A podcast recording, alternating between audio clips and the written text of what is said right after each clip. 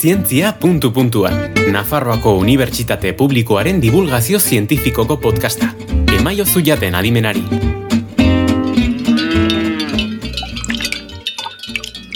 Esneak arazoak sortzen aldizkizu. Esnearekiko intolerantziaren bat balduzu. Europarren euneko hogeita marraren antzera orduan. Gaur, esne berezi baten inguruan mintzatuko gara. Ez da berria, betikoa esango genuke. Ez da artifiziala, guztiz naturala, egiazko esnea. Eta dirudienez, digeritzeko errazagoa omen. Abi esnea du izena, azken esne belaunaldiaren isla. Kaseina proteinari intolerantzia diotenentzako aproposa izan litekeena. Arazori gabe gehitu dezaiokegu goizeko behatzitan hartzen dugun bigarren kafe horri. Nafarroko Unibertsitate Publikoko Isfood Ikerketa Institutuako ikertzaileek esne hori ematen duen behi taldea eratu du.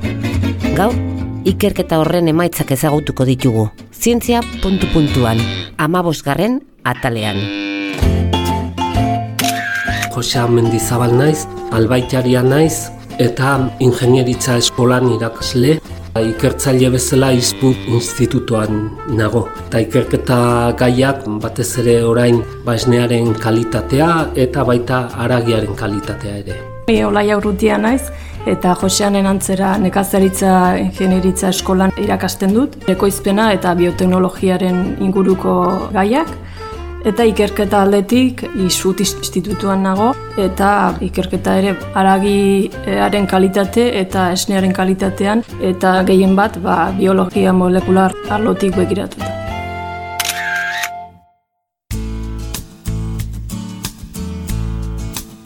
Gero eta jende gehiagok arazoak ditu esnea digeritzeko. Ziur inguruan baduzula baten bat. Zer agian, ez dira edo etzara laktosari intolerantea, baina hala eta guztiz ere ez dizu hon egiten. Sarri agartzen da beste intolerantzia bat, kaseina digeritzeko zailtasunak. Esneak zenbait intolerantzi sortzen ditu zenbait pertsonetan. Ezagunena da ba, laktosari dioen jendea, baino baita ere badago persona kopuru bat kaseina, proteina bati e, intolerantzia duena. Ordun e, honen arabera ba, saiatu gara proiektu honetan ba, lortzen esne berezi bat, berezitasun batekin, ba, persona hoientzako intolerantziak sortu ez da. Olaia eta lortu duzue? Bai, bai, e, lortu dugu. Proiektu honen barruan e, helburuetako bat zen esatetxe berri ikuiluarekin batera esne motau ekoizten duen animali talde bat hautatzea eta lortu dugu. Proiektu honek e, bi urteko iraupena izan du eta bueno, lortu dugu ba, proiektu, bai, abenduan ja bagenituen behi kopuru bat e, esne mota hau ematen duena.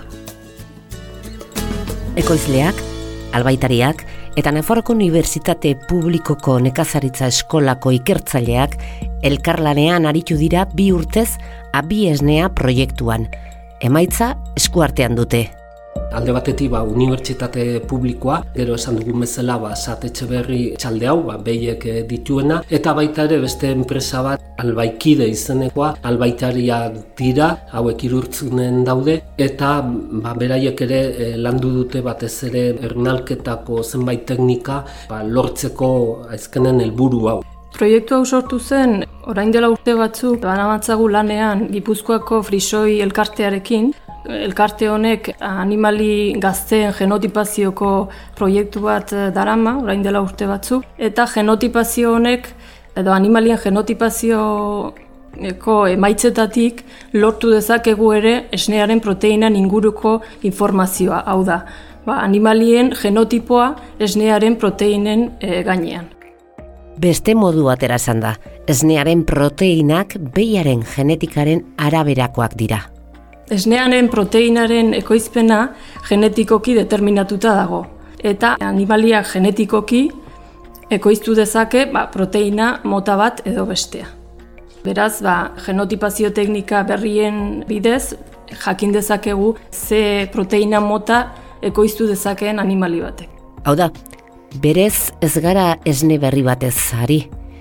Behien hautespen natural baten bidez lortzen da, ezer gehitu edo kendu gabe, eta bitarteko teknologikorik gabe. Ez du abat kaseina, abi kaseina baizik, abi proteina besterik ez du. Orain gertatzen dana da guk edaten dugun esne horretan banaztuta daude bi betakaseina mota hoiek, bi mota hoiek. Eta orduan zenbait jendei, ez ez denai, ez persona guztiei, baino persona batzuei ba A bat deitzen dugun betakaseina mota horrek ez sortzen dio intolerantzi hori. Orduan, egiten duguna da, ez da esne mota berri bat, baizik eta esne horrek eh, bakarri izan dedila beta-kaseina A2 hau eta horrela ba, intolerantzik ez sortzeko pertsona horietan. Baino da esnea ba, beti edaten dugun esnea bezalakoa, ba, gusto, usaina, kolorea, ba, berdinak dira, baino badu ba, propietate hori eh, intolerantzik ez sortzeko persona multzo batean. Olaia, ikerketen arabera kaseina mota batek ematen du intolerantzia ez denak. A bata. Hori da, beta-kaseinak baditu forma edo variante desberdin asko, baina nagusienak A bat eta A bi dira. Eta zenbait eh, ikerkuntzak azaltzen duten eran, A bat formako proteinak bere estruktura proteikoagatik lixeritzerako orduan betakaso morfina edo opioide bat liberatzen du eta hori litzateke ba, intolerantzien atzean egon daitekeen molekula hori.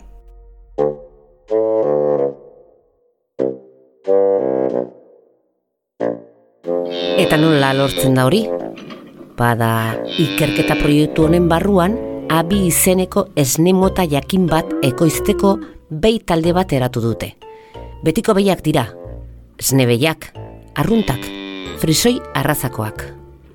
Guk egin duguna da hautaketa genetikoaren bidez, genetikoki abi esnemota ekoizten duten animaliak bakarra hautatu. Hau da, beta kaseinaren zat, abi, abi genotipoa duten animaliak. Eta beraz, ba, esne mota hori bakarrik ekoiztuko dute. Abi proteina duten eh, esne mota kanpoti ez da ikusten, eh? kasu honetan ba, behiak eh, berdinak diratenak, ez dago ez kolorean eta diferentzirik ez dago kanpotik, baino barruan gen hoietan ba, hor dago diferentzi. Eta orduan behi hoiek ba, ematen dute bakarrik betakaseina abi motatakoa.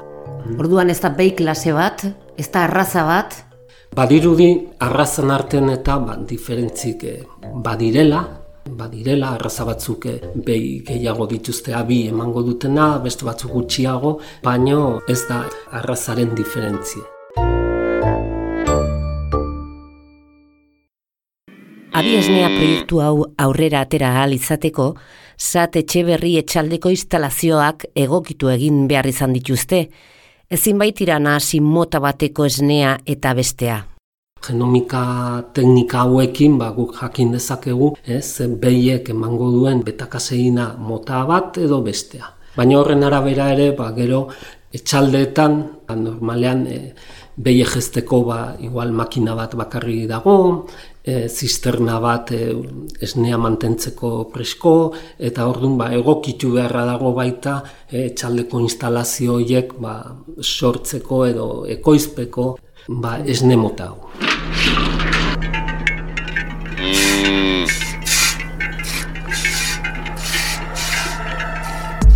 Bai, kasu honetan egin dugu multzo bat irurogeita bostekoa, eh? zergatik irurogeita bostekoa, ba, gesteko makina, robotak edo deitzen direnak, ba, normalen e, beiko puru horrentzako egokituta daude.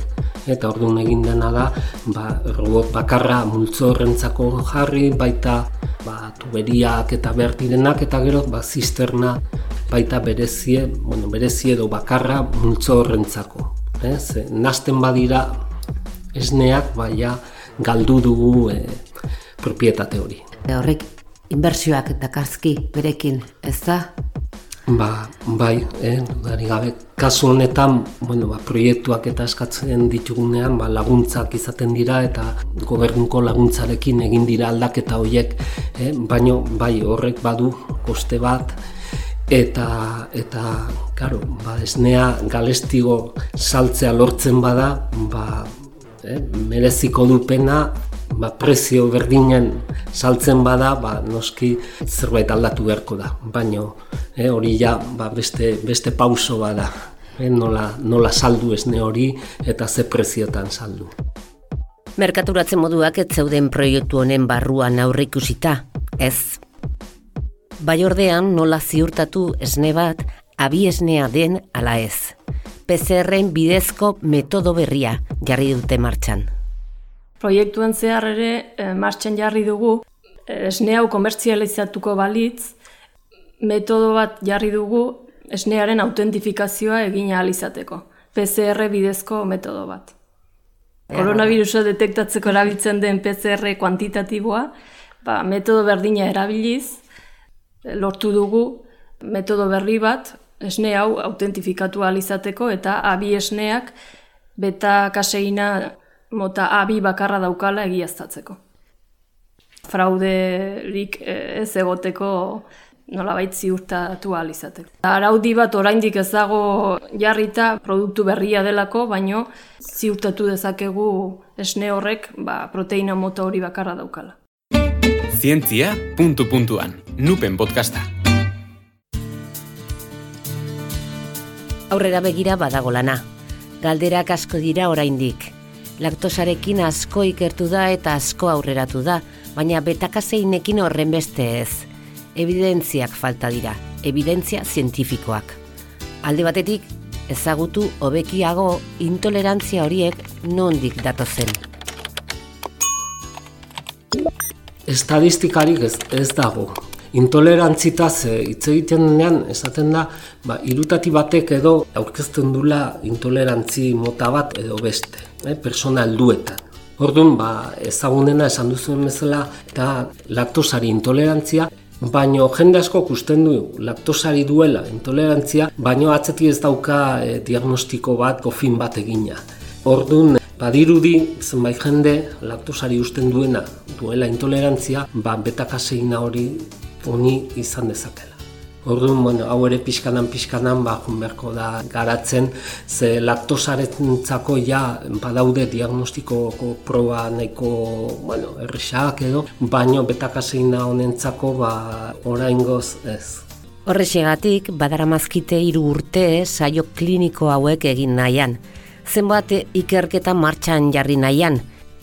Saio kliniko bat egitea dute orain helburu horren inguruko ikerketa kliniko zehatza eta zabala bultzatu nahiko lukete. Guk lan egiten dugu abere koizpen arloan, eta batez ere ba, guk erlazioa dugu baserritarrakin eta piskatorrek bultzatu egiten gaitu ba, baserritarrentzako alternatiba berriek bilatzea eta zentzu horretan eratu dugu proiektua. Gero bestaldetik badago intolerante direnentzako baita ba, urrera pena da. Horretan ari gara asma dugu ospitalekoekin, meikoekin harremanetan gaude baita proiektu bat aurkezteko ikusteko e, hobeki korputzen esteetan ze gertatzen den esne mota honekin. Ez? E, asko idatzita dago, baino, bueno, nahiago dugu geok ikusi eh, ze gertatzen den eta konparazioa egin ba, bi esne motaen artean ze diferentzi, ze sortzen duen intolerantzi hori. Ze gertatzen dan esteen barruan ba, intolerantzi horiek sortzeko pertsonetan. Ez dago ikertuta oraindik? Bueno, ikertuta badago zerbait, baita egie da hor atzean daudela batez ere multinazional bat, e, eta orduan ba, interes e, komertzialak ere badaude tartean, eta bueno, gu lasaiago geldituko ginen, egiten badugu horrelako ensaio bat, eta ikusten badugu benetan ba, eragin handia dula esaten ari garen gauz guzti haue. Herrialde batzuetan hasiak diraia da abi esnea merkaturatzen. Nafarroko Unibertsitate Publikoan zurrak dira beharrezkoa ikusten dute bai ikerketekin jarraitzea. Hala ere, etorkizunari begira abiesnea baserritar batzuendako irtenbidea izan daitekela uste dute. Komerzializatu ba, egiten da zenbait naziotan hasi dira. Non? Ba, hau hasi zen batez ere Zelanda berrian, Australian, eta orain ja, ba, bueno, ikusten dugu estatu batuetan, erresuma batuan, ja, multinazional bat ere badago atzetik, eta, bueno, usten dugu, ba, aurrera joango dela. Justu orain, ba, sektorea nahiko, nahiko triste dabil, badakigu, ba, nola galestitu diran bateri guztik, eta, eta, orduan, ba, igual, ba, ez gara, momentu onenean iritsi hau lortzera, ez, ez ne mota hau e, sortzea. Baino, bueno, pixkat eh, egoera hobetzen denean, ba, nik usten dut izango dula, e, alternatiba bezala esaten duguna, ba, ez baserritar guztientzako, baino batzuentzako ba, izan leike irten bide egoki bat. Ala bedi, lehenengo pausua emana dute, abiesnea ekoizten badakite zientzia puntu-puntuan egosten saiatu gara. Honeaino, amalaugarren atala. Izan ongi? Zientzia puntu-puntuan entzun duzu. Nafarroako Unibertsitate Publikoaren podcasta. Gozatu zientziaz.